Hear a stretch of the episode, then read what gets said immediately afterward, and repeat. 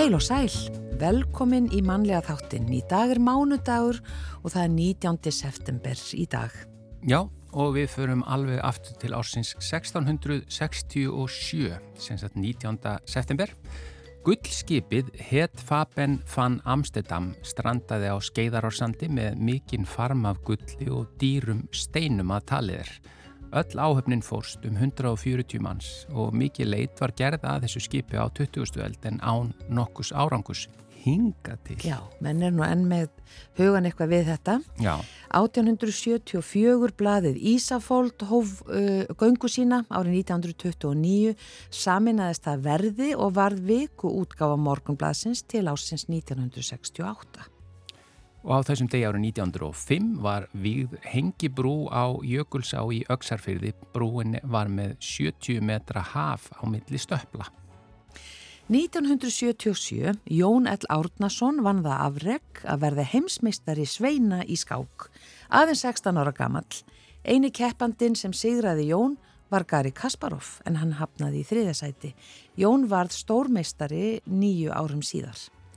Já og á þessum degi árið 1979 var Bernarsamningurinn um vend, viltra dýra, plantna og vistgerða í Evrópu samþyktur.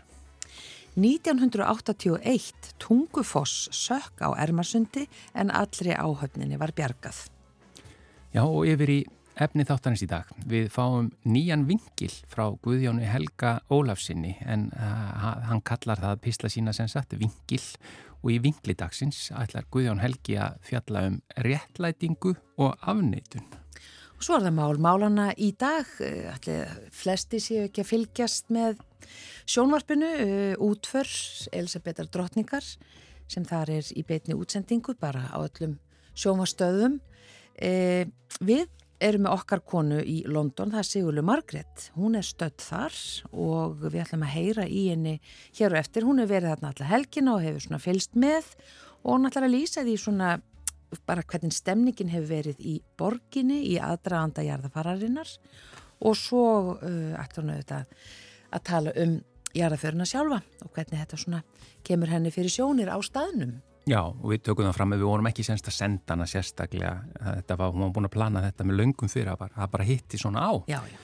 En lesandi vikunar í þetta sinn er Bergþóra Snæbjörnsdóttir, rítufundur og ljóðskáld. Bergþóra hefur sem sagt gefið út ljóðabækur, tekstasafn og skáldsögu og er að fara að gefa út nýja núna fyrir jólinn eða að minnst okkurst í bók, við skulum fá hann til að segja okkur frá því hvers slags bók það er. Hún er með bíagráðu í sálfræði og hefur komið að vinna við kvikmyndahandrit, heimildamindagerð, bóka, útgáfu og synt verkefnastjórnun á sviði lista og almenningar en í dag ætlar hún að segja okkur frá því hvaða bækur hún hefur verið að lesa undanfarið og hvaða bækur og höfundar hafa haft mest áhrif á hana í gegnum tíðina.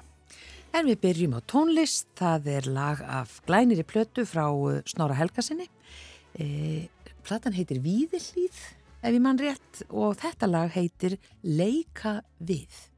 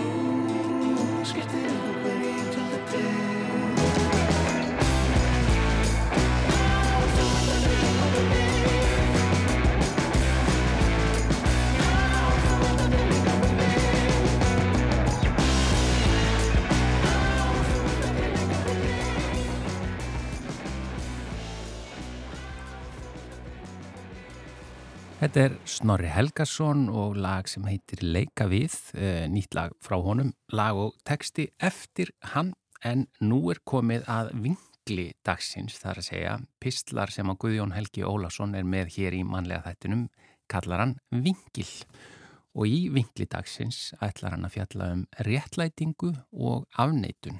Gjör svo vel. Ágætul stendur, stundum þykist maður gera góðverk. Já, alveg satt. Og maður þrætir um tilganginu sjálfan sig eins og sprútt sali í raspúsi. Ég veit alveg að þið eigi þetta til líka. Kaupi kannski hapadrættismiða og segi við speilin. Jó, sjáðu til, þetta gerði ég nú bara til að styrkja dvalarheimili aldraðara sjómanna. En speilin lígur aldrei og segir, nei, það er ekki satt, þið langar bara í vinningin og þú meiri segja eittir honum í huganum um leið og borgaðir miðan. Þú ætlar að kaupa sæta áklæði með hlébarðaskinsmunstri og loðuna teninga til að hengja á baksínispeilin í landráðurnum. Viðu kjöndu það bara. Sumir kaupa kleinupoka af kvennfélaginu og þykjast styrkja gott málefni. En loka kolvetnasnauða spelt megrunarrökkbröðu sitt niður í skuffu, geta allar kleinutnar og segjast svo hafa fengið gesti þegar að heimilisfólki hristir síðustu milsnuna úr tómum kleinupokanum með spurnar svip í næsta kaffitíma. En aðrir sverja og sárt við leggja að fólki sem býr á Kanaríegjum sé bláfátækt og því muni svo mikið um hvern erlendan ferðamannin og þess vegna neyðist þau til að fara þanga í frí reglulega bara til að styðja við efnahagskerfið á þessum greiðum. Þeir bara kunni engin hagstjórnatryggs þarna söðu frá, ekki eins og við, sem eru með miklu betra sístem. Jú auðvitaði bjór og konjak miklu ódýra hjá þeim sem ekki er von, því að ríkilegur miklu minni áfengisskatta og slíkan varning á kanari og eina ráðu til að styðja þessa vesalingar sem mest og best sé þess vegna að kaupa bara nógu mikið og drekka það allt á staðnum. Hér heima þarf maður sára lítið að kaupa af guðavegum til að leggja sitt af mörgum til samneislunar. Það er nú annað en á Kanari og Teneríf. Það sem að maður má hafa sér allan við, dag eftir dag og, og enn meira um helgar til að eitthvað muninu um þetta. Svo úða maður smá reyngjörninga vökva á geslabögin. Púsar yfir og brosir skakt framann í greppitrínið í speiklinum. Ég er auðvitað alls ekki saklaus fyrir ekkar en aðrir í sjálfs afneitunarmálum til þess að gera nýkomin heim úr 800 km langum bíltúr á gömlum svartreikjandi díseldrega undir því fólskulega yfir skinni að um góðverk sé að ræða. Til að gera langa sögu, já, langa, að þá hættu sigurlega föðusisti mín og átni Jón maður hennar sögfjörbúskap í hrútaferðið fyrir skömmu og fluttu hinga á flatlendi.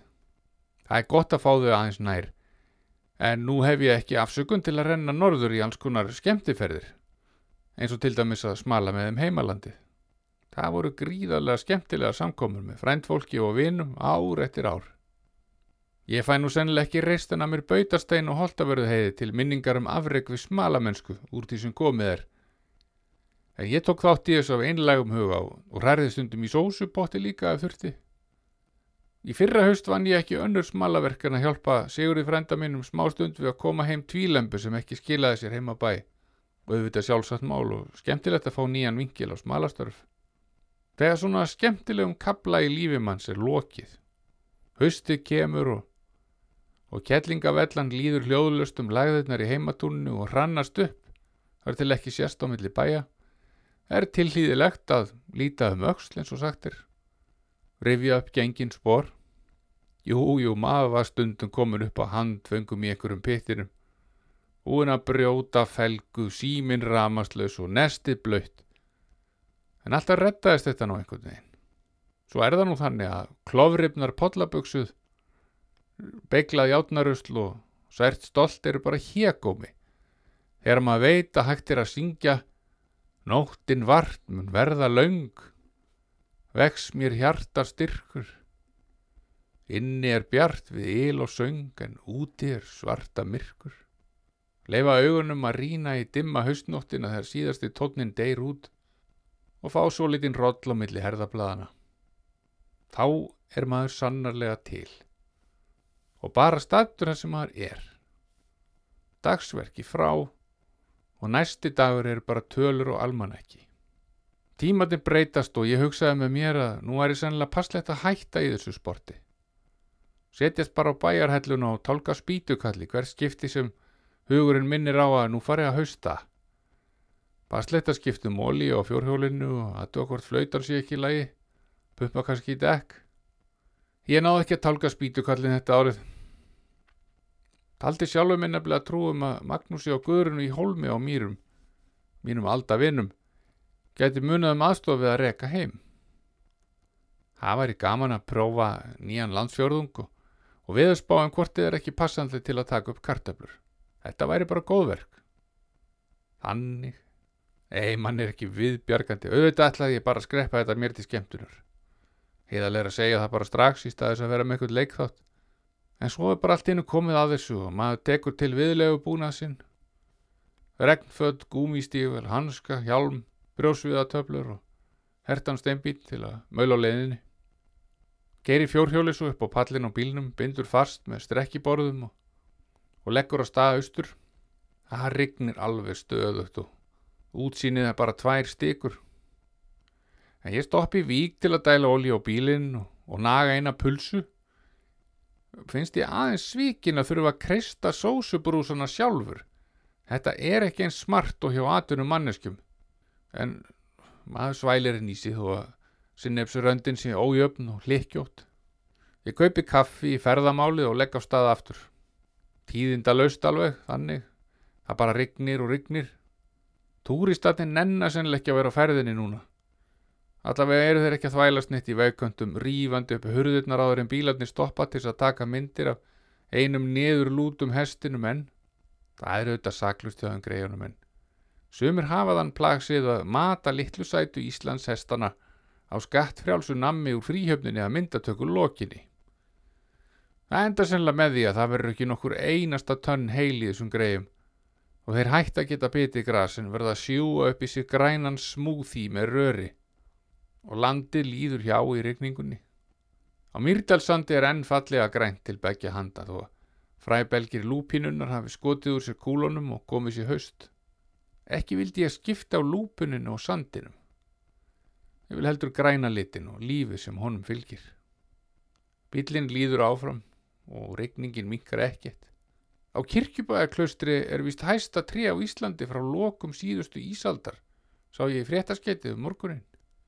Ég sé að það tréðu þetta ekki fyrir þóku og regningu en það hvað vera 30 metrar og, og 15 centimetrar á hæð og 2,2 teningsmetrar á rúmóli. Ég vona veðri verði skára á bakaleginu svo ég geti kíkt á trjáreitin og þóst sjá hvert trjánaðar er hæst. En að endingu kem ég auga á hliðstólpana við afleggjarana hólmi. Ek heima veitingastæðnum Jóni Ríka sem Magnús og Guðrún eiga en það stendur yfir í æfingi á djastrióinu Emjanda. Það skipa Magnús í Hólmi, Einar Bóndi í Brekkubæ og skipstjórun Jón Haugur á höfn. Þetta eru höfusnillingar og algjör unun á að hlýða. Síðan er að sofa í hausin á sér og vakna aftur, drekka morgunkaffi með hjónunum og Arndísi dóttur þeirra aukveð sem haugur í holtaselli og víðir frendi minn í holtahólum hafa bæst í hópin.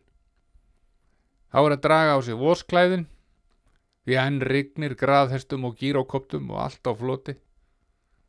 Smalamennskan gengur svo eins og í sögu sem er auðvitað frábært, er minni mig á það staðrind að ég bara smali að því mér finnst það skemmtilegt. Alls ekki á nöðsinn eða manngæsku. En það er alveg næg ástæða til að bregða sér bæjarleið og hitta vinni sína. Dagurinn líður svo við fjárrag og skemmtileg heitt. Áður en við að litið að koma nýr dagur. Helgin að verða búin og, regningin líka. Mál að koma sér heim. Ég er hættur við að hætta að smala. Á meðan vinir mínir nenn að hafa mig með og húsið er ekki mannlöst þegar ég kem heim. Og þið lofið að kjafta þið ekki út um allt að ég sé bara að gera þetta fyrir sjálfa mig. Þá held ég þetta að sleppa alveg. Góða stundir.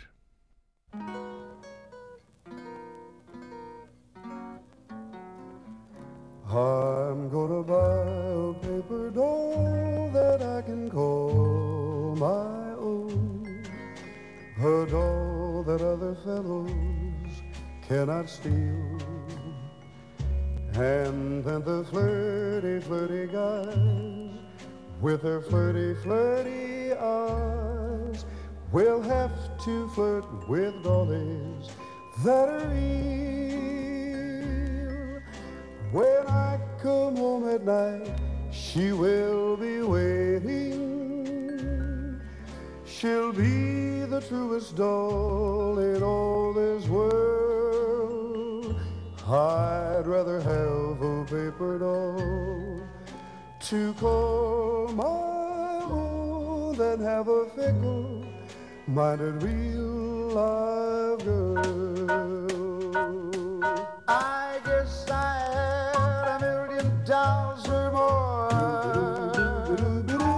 I guess I played the doll game over and over.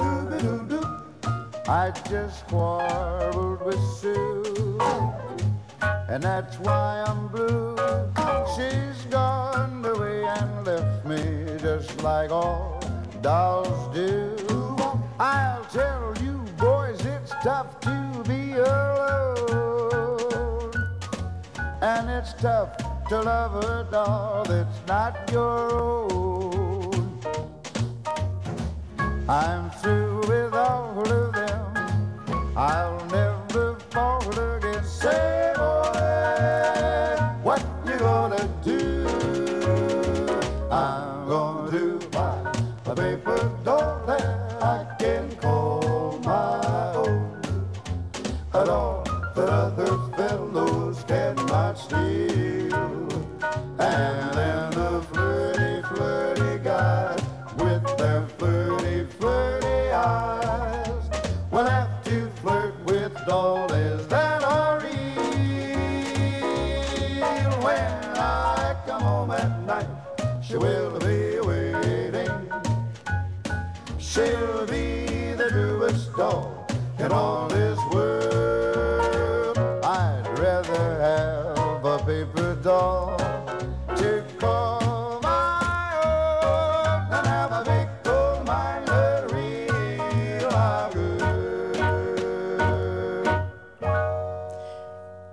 Milsbræður að syngja þarna Paper Doll.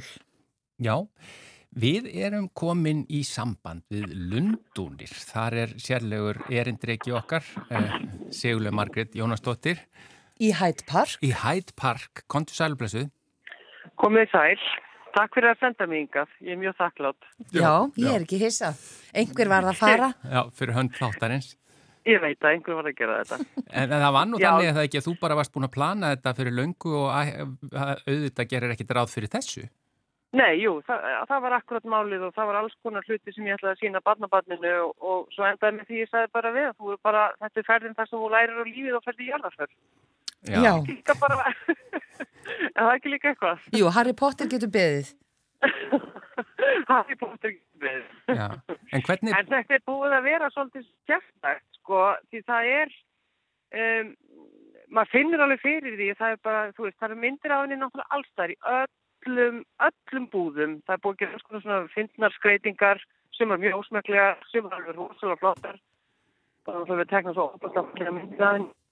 Um, Ég, okkur var sagt það að það væri bara, það er allt loka þannig að ég fikk svona panikattakk í gær, þú veist, að maður verður að kaupa kost, skiljiði, þegar allt lokar. Því annars deyr maður kannski hungri. já, Þannig að ég hugsaði að ég þurfti að fara að kaupa alveg og svo er náttúrulega svo bara þegar ég lappaði út í morgun, það var alveg fullt af stöðum ótt að það voru margir sem lokuðu milli á meðan jarðaförin er. Já. já, En þeir eru, þeir eru náttúrulega rosalega skipulegar í þessu. Það, sko, það komi tau, taupókunni voru komni bara á föstudaginn, þú veist, uh, drottningin, þú veist, fæ, fætt og dáinn, skilur við. taupokarnir.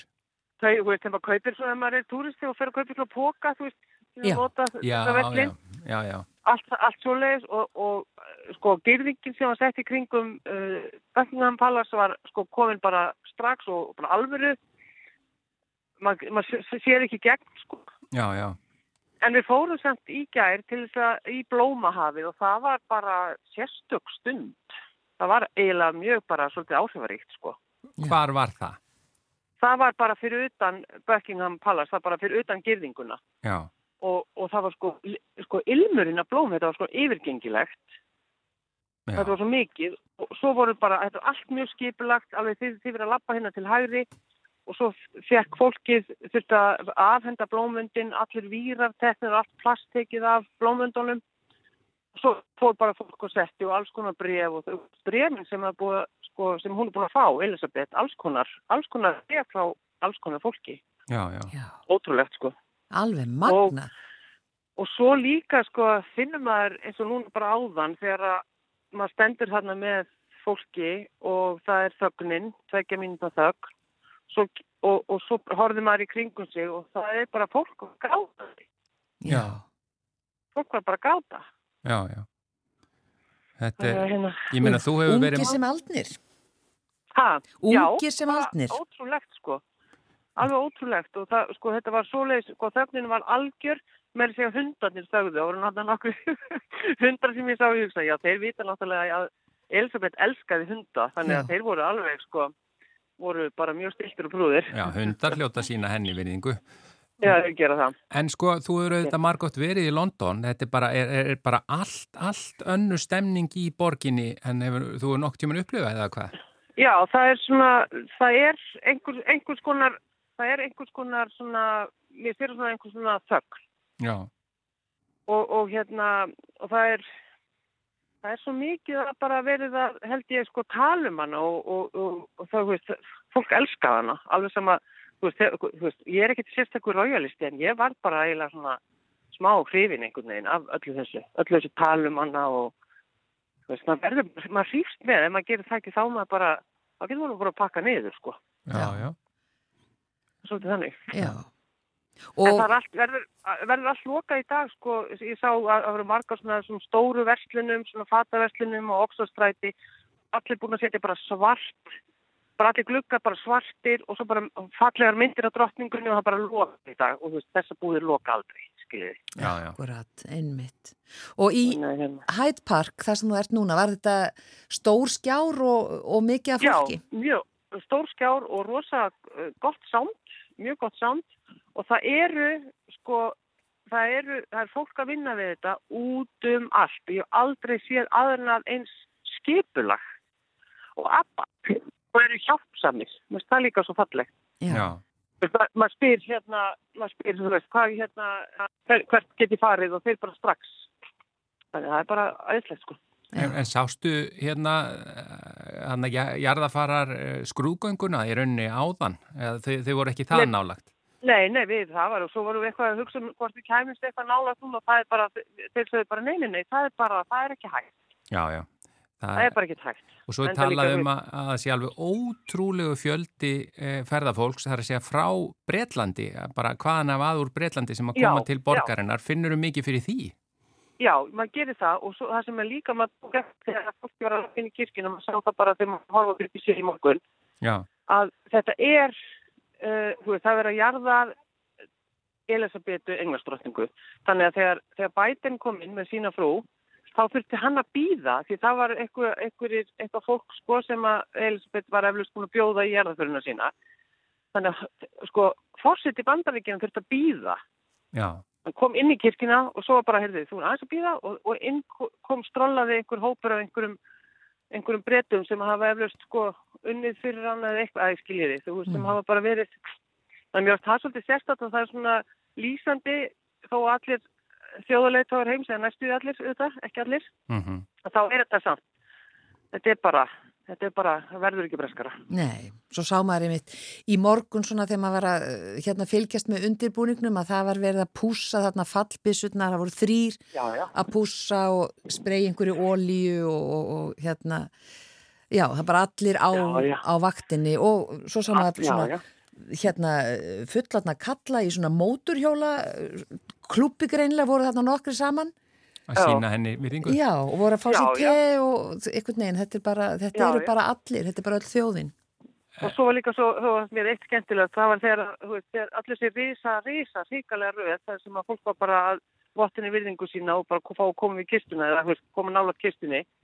Og þá var það eiginlega mest í fréttum þann daginn, það var bara David Beckham, hann fór í röðina Já, og Það- beigð í, í, í hverja 12 tíma eða eitthvað og hann sagði, þú veist, við, við, við fréttamann, þú veist, afi minn sem að ég dyrkaði og, og treysti, hann hefði aldrei fyrirgefið mér það ef, að, ef ég hefði sagt já við því bóði að fá að fara undan öðrum. Einmitt. Það var náttúrulega að því, ég tjó eftir þessu að David Beckham beigði í rauðinni næstu í 12 tíma eða eitthvað svo leiðis og svo voru, var viðtal við íslenskar konur sem fóru fram fyrir rauðina því þær fengu eitthvað bóð. Já, ég veit, ég hugsaði það. En David Beckham, hann, hann sagði, hann var alveg, já, ég fekk samlokur og ég fekk mér djús og te og, þú veist, þannig að, að það já, er líka, já, þetta er bara, maður er, en fyrir mér er þetta bara upplifun og ég, mér, ég er í rauninu bara svolítið þakklátt að, að fengja að upplifa þetta, þetta er, þetta er sérstaklega. Já. já. Þetta er aldrei sérstaklega. Já, en það er líka að því að eins og segir að það er hérna bara nánast hver einasti þjóðhöfðingi í heiminum á staðnum já, já. þannig að það lítur alveg gríðarlega öryggiskesla. Já, maður vaknaði morgun við þyrlunar, það er bara þyrlunar er bara út um allt og það er brjálega öryggiskesla mm. og maður sér bara, maður sér lögurnar og herrmenn bara út um allt. Já. Bara, það er alltaf passið allt saman. Já, einmitt líka það sko. Já, Já. svo heyrðum að við það var einmitt verið að tala við tvær konur á DR á dönskustöðinni eh, tvær konur sem voru bara að býða bara eins og allir hinnir mm -hmm. og þær Já. voru að hérna tala um það að þetta er þið aldrei eins með, eh, með Karli Já. Nei, ég held líka það. Ég held að þeir séu, sko ég held að breyta séu, sko ég eftir að sakna hennar alveg óbáslega mikið því að veist, það sem kemur upp þegar fólk er að tala, það er bara, veist, hún í rauninni náttúrulega bara Jó, hún fórnar sér þannig, jú, hún gerir það, hún, bara, hún ætlaði bara að gera allt fyrir, þjóð, fyrir bresku þjóð, sko. Já, já. Hún gerði það, hugsið ykkur, 21 ás. Þá bara hætti hún að tjúta. Já, og hann er talsvest eldri, hann, er, hann verður ekki í 70 ár konungur, það er hann ljóst. Nei, nei, nei, nei, nei. Og svo er líka, sko, svo er, svo er maður búin að hlusta á það sem er verið að hrósa, sko, hrósa fjölskyldinni, já, hún er öll saman komið núna og svo vildi þetta standast jætt saman það er náttúrulega bara skilðið allt hugli en þau saminast já. þó, þau gera já. það þó að Harry hafi ekki fengið að vera í einhverjum hermannabúning og allt þetta þetta er alls konar svona tilfinningar. Já, já. Hmm, Allir alltaf standa sig. Já Ég held að það sé málið. En já, já. hérna Sigurlega Margrét, við bara, og eitt bara lokum, er, er, er veðrið er, er búið að vera gott fyrir svona? Já, já indislegt og það bara, kom sólinn akkurat þegar það var verið að lappa með kistuna út. Og svo á allir ég að ég hef líka búin að rannsaka svolítið matinn þannig að ég mun koma í matarspjall. Ég kem sterkinn, ég get ekki sagt annað. Já, næsta förstu dag mm -hmm. Það líst okkur vel á. Ég er ekkert sko, já ég er búin að vinna ég er alveg að vinna fyrir ykkur. Þetta er ekkert frí Þetta er ekkert frí, ég er ekki neitt, ég er ekki neitt búin að slaka á. Og bestu kveðu til barnabatsins og við séum bara hafið það gott það sem eftir lifir ferðar. Já, takk fyrir og við heyrumst. Og bestu kveðu til, til breyta. Já. Bless, bless.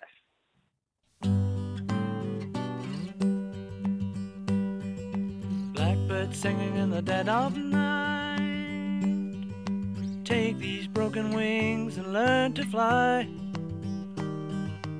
all your life. You were only waiting for this moment to arise.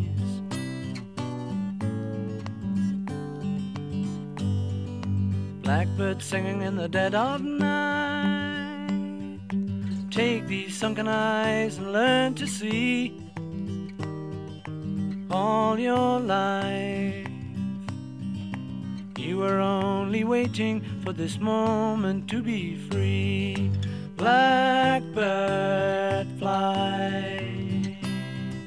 Blackbird fly into the light of a dark black night.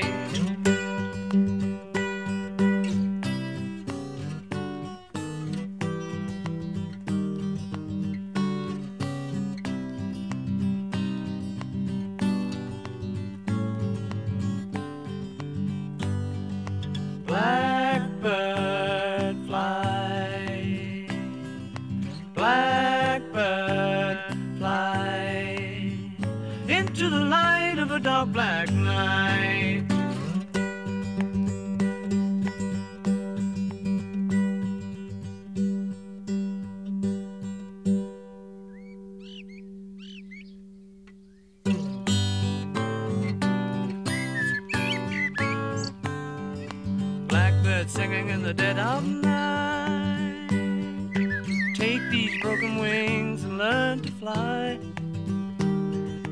all your life. You were only waiting for this moment to arise. You were only waiting for this moment to arise. You were only waiting for this moment to arise.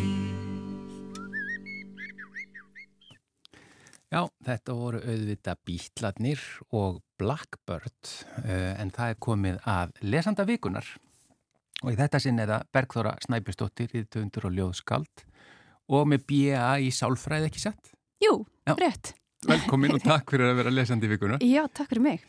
Uh, þú auðvitað hefur skrifað eh, ljóðabækur, ég sko, mér er svo gaman að ég var að fara aðeins yfir þetta sko, hvað, hvað þú hefur gert. Já, Er það, er það fyrsta ljóðabókin sem er Dalún dagar? já, Því ég passar. nefnilega, ég syng svo oft þetta lag, það er Dalún dagur í dag. Já, þetta, er alveg, sko, þetta er alveg fleirin einn kynsla sem að gera það held ég. Já, Þetta er alveg, þetta er hérna, þetta var bara svona viðlag æskuminnar einhvern veginn. já, og ég eiginlega fór bara þegar ég sá nafnið á bókinni, þá hérna, þá fór ég að syngja það aftur og á erfitt með að losna við það úr hausnum. Þetta er þannig lag, sko, Já. svona jingle.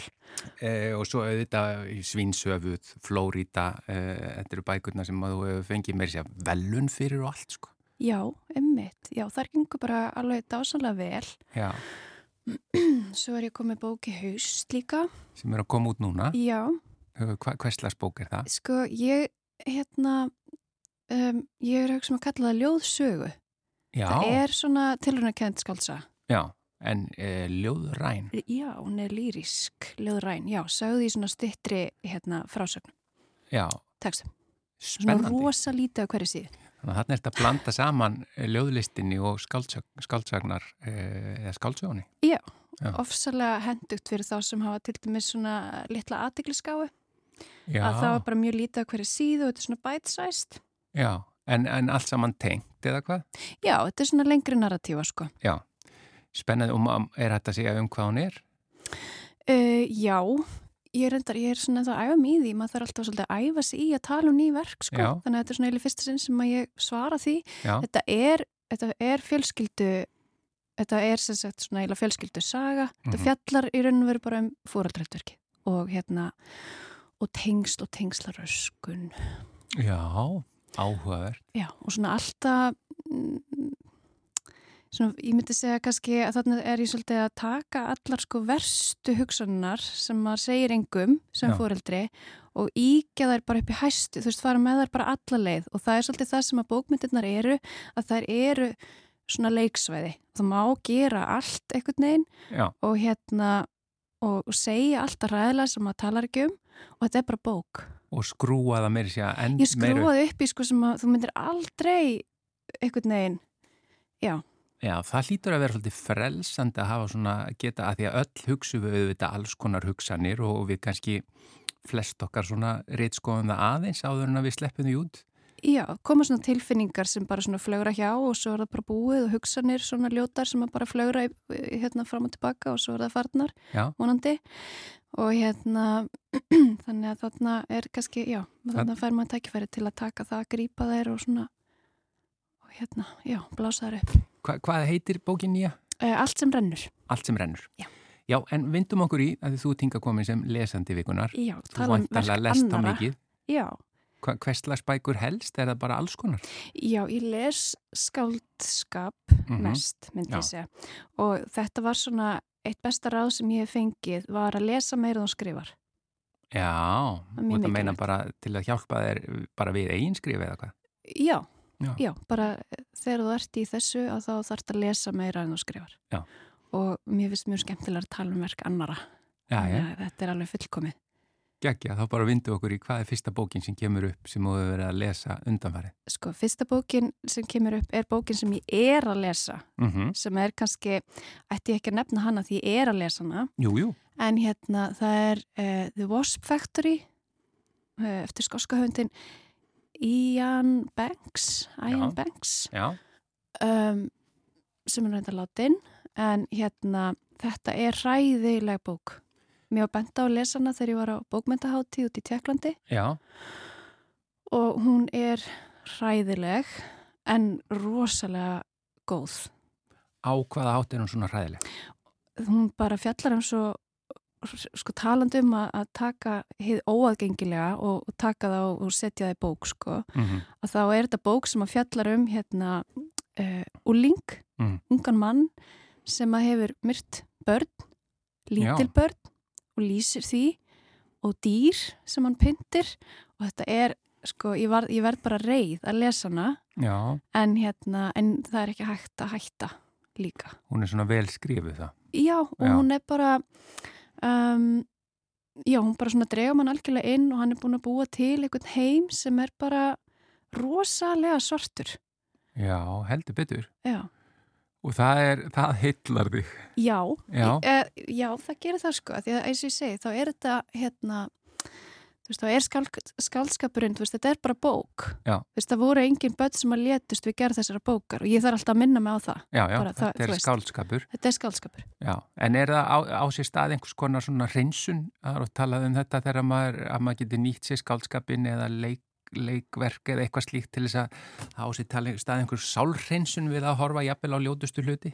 Öruglega, þarna er maður bara að mæta því hryllilegasta sem maður getur ímynda sér Mm einhvern veginn Já. og það er hættulegt en það er ekki, það er ekki raunverulega hættulegt.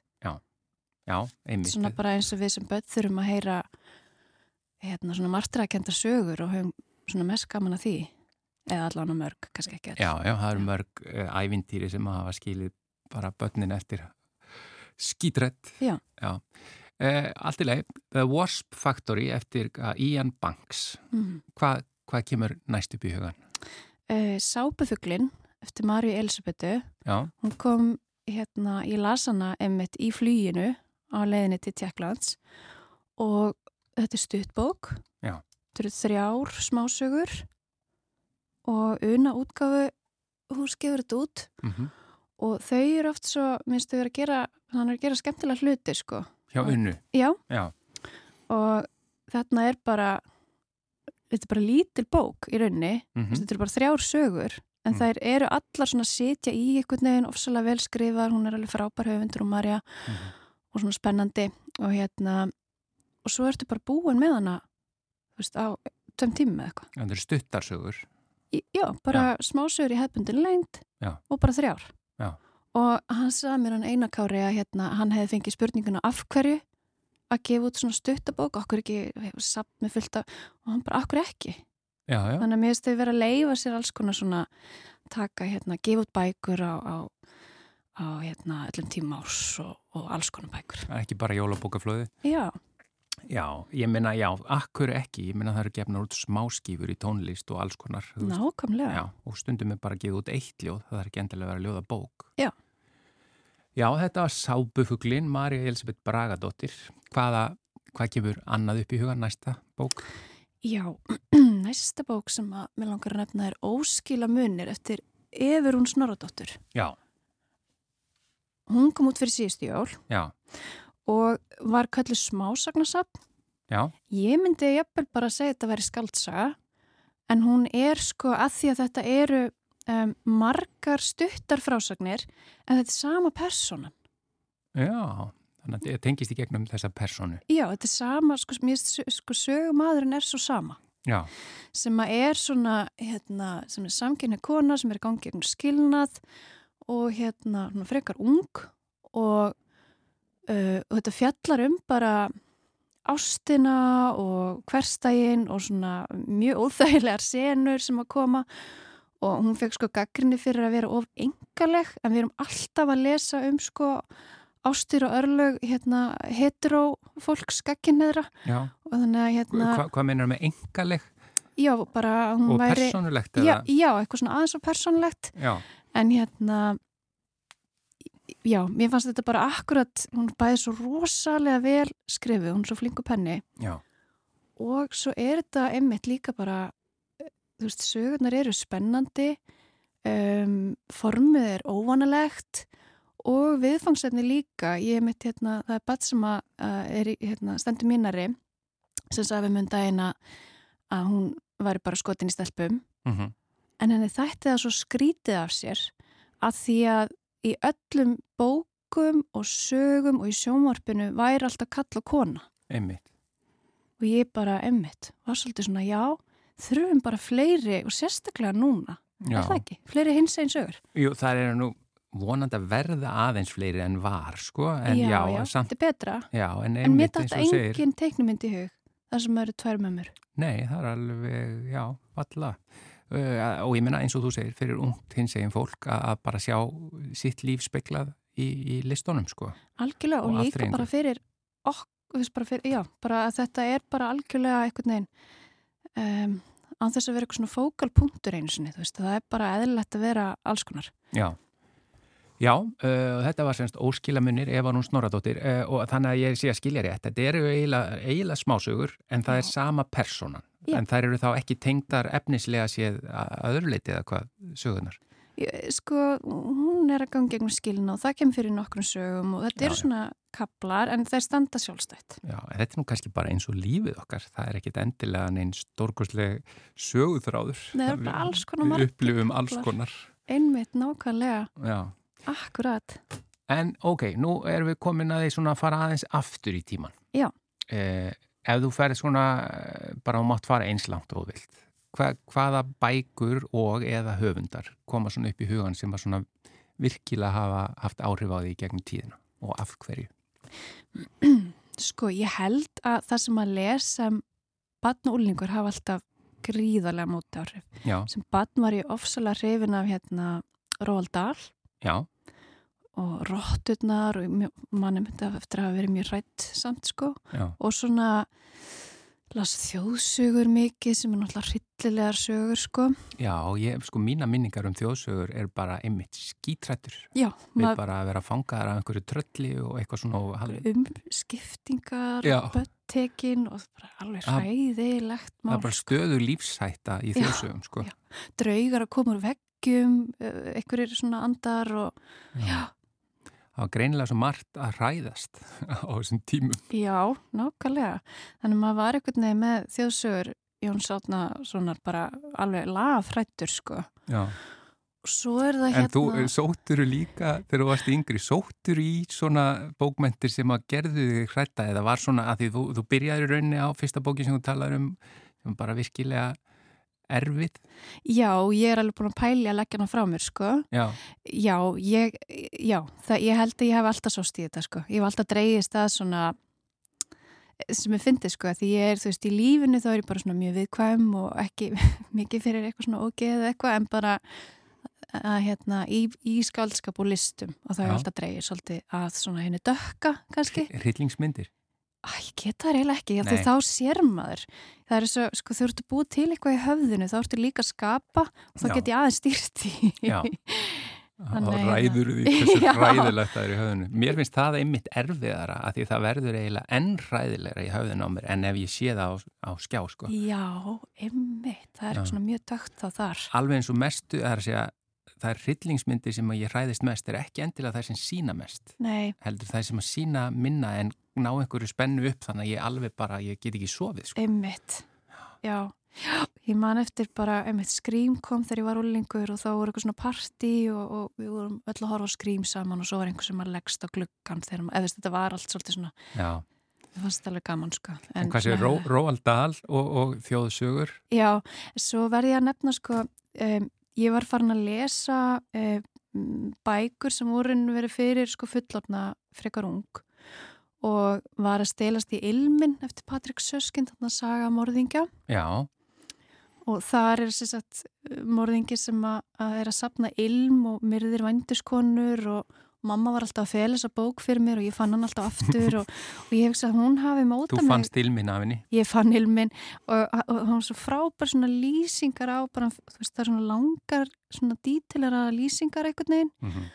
og svo dýragarspönnin ég var líka sjúk í hana Já, Kristján F. hérna hryllilegt. Um, eiturlífa neyslunni í, í Berlín. Já, Þú hefur greinilega sótt í svona aðeins, aðeins uh, dimmari sögur. Já, Já, já og svo fekk ég um daginn, þá fekk ég spurningu þá hafði einhver sett inn á eitthvað svona bókahóp og, og ég fekk, ég er ekki inn á svo, svo leiðis hópum sko en, en hérna fekk skjáskot eitthvað svona áttara dóttir mín uh, vill lesa hefur mikið áhuga, áhuga skáldsögn Svínsöð sem ég skrifa sérst, sem er svona Mm -hmm. þykir frekar uh, erfið mörgum og hérna á ég leifin að lesa áfram og ég vissi ekki alveg hvernig ég ætti að svara þessu fyrst sko og hérna Nú var hann að spyrja þig Nei, nei, þetta Nei. var bara inn í þessum hóp hvað Já. þið sem eru búið með bókina sérst, ætti ég að leifin að lesa áfram Já.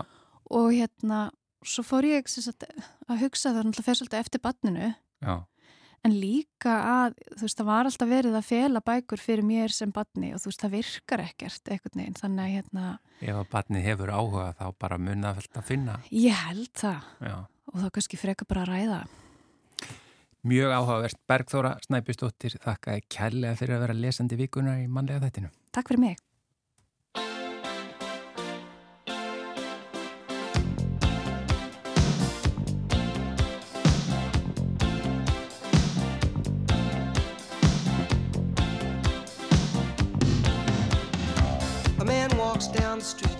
Why am I soft in the middle now? Why am I soft in the middle? The rest of my life is so hard. I need a photo opportunity.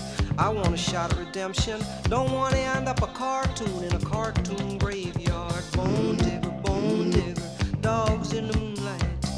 Far away, my well-lit door. Mr. Beer Melly, Beer Melly, get these mutts away from me, you know. I don't find this stuff amusing anymore.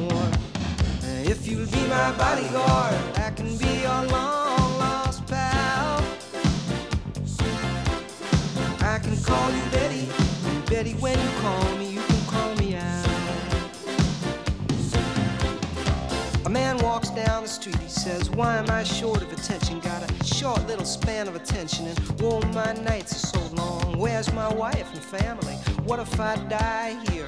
Who'll be my role model now that my role model is gone? Gone. He ducked back down the alley with some uh, roly-poly little bat-faced girl.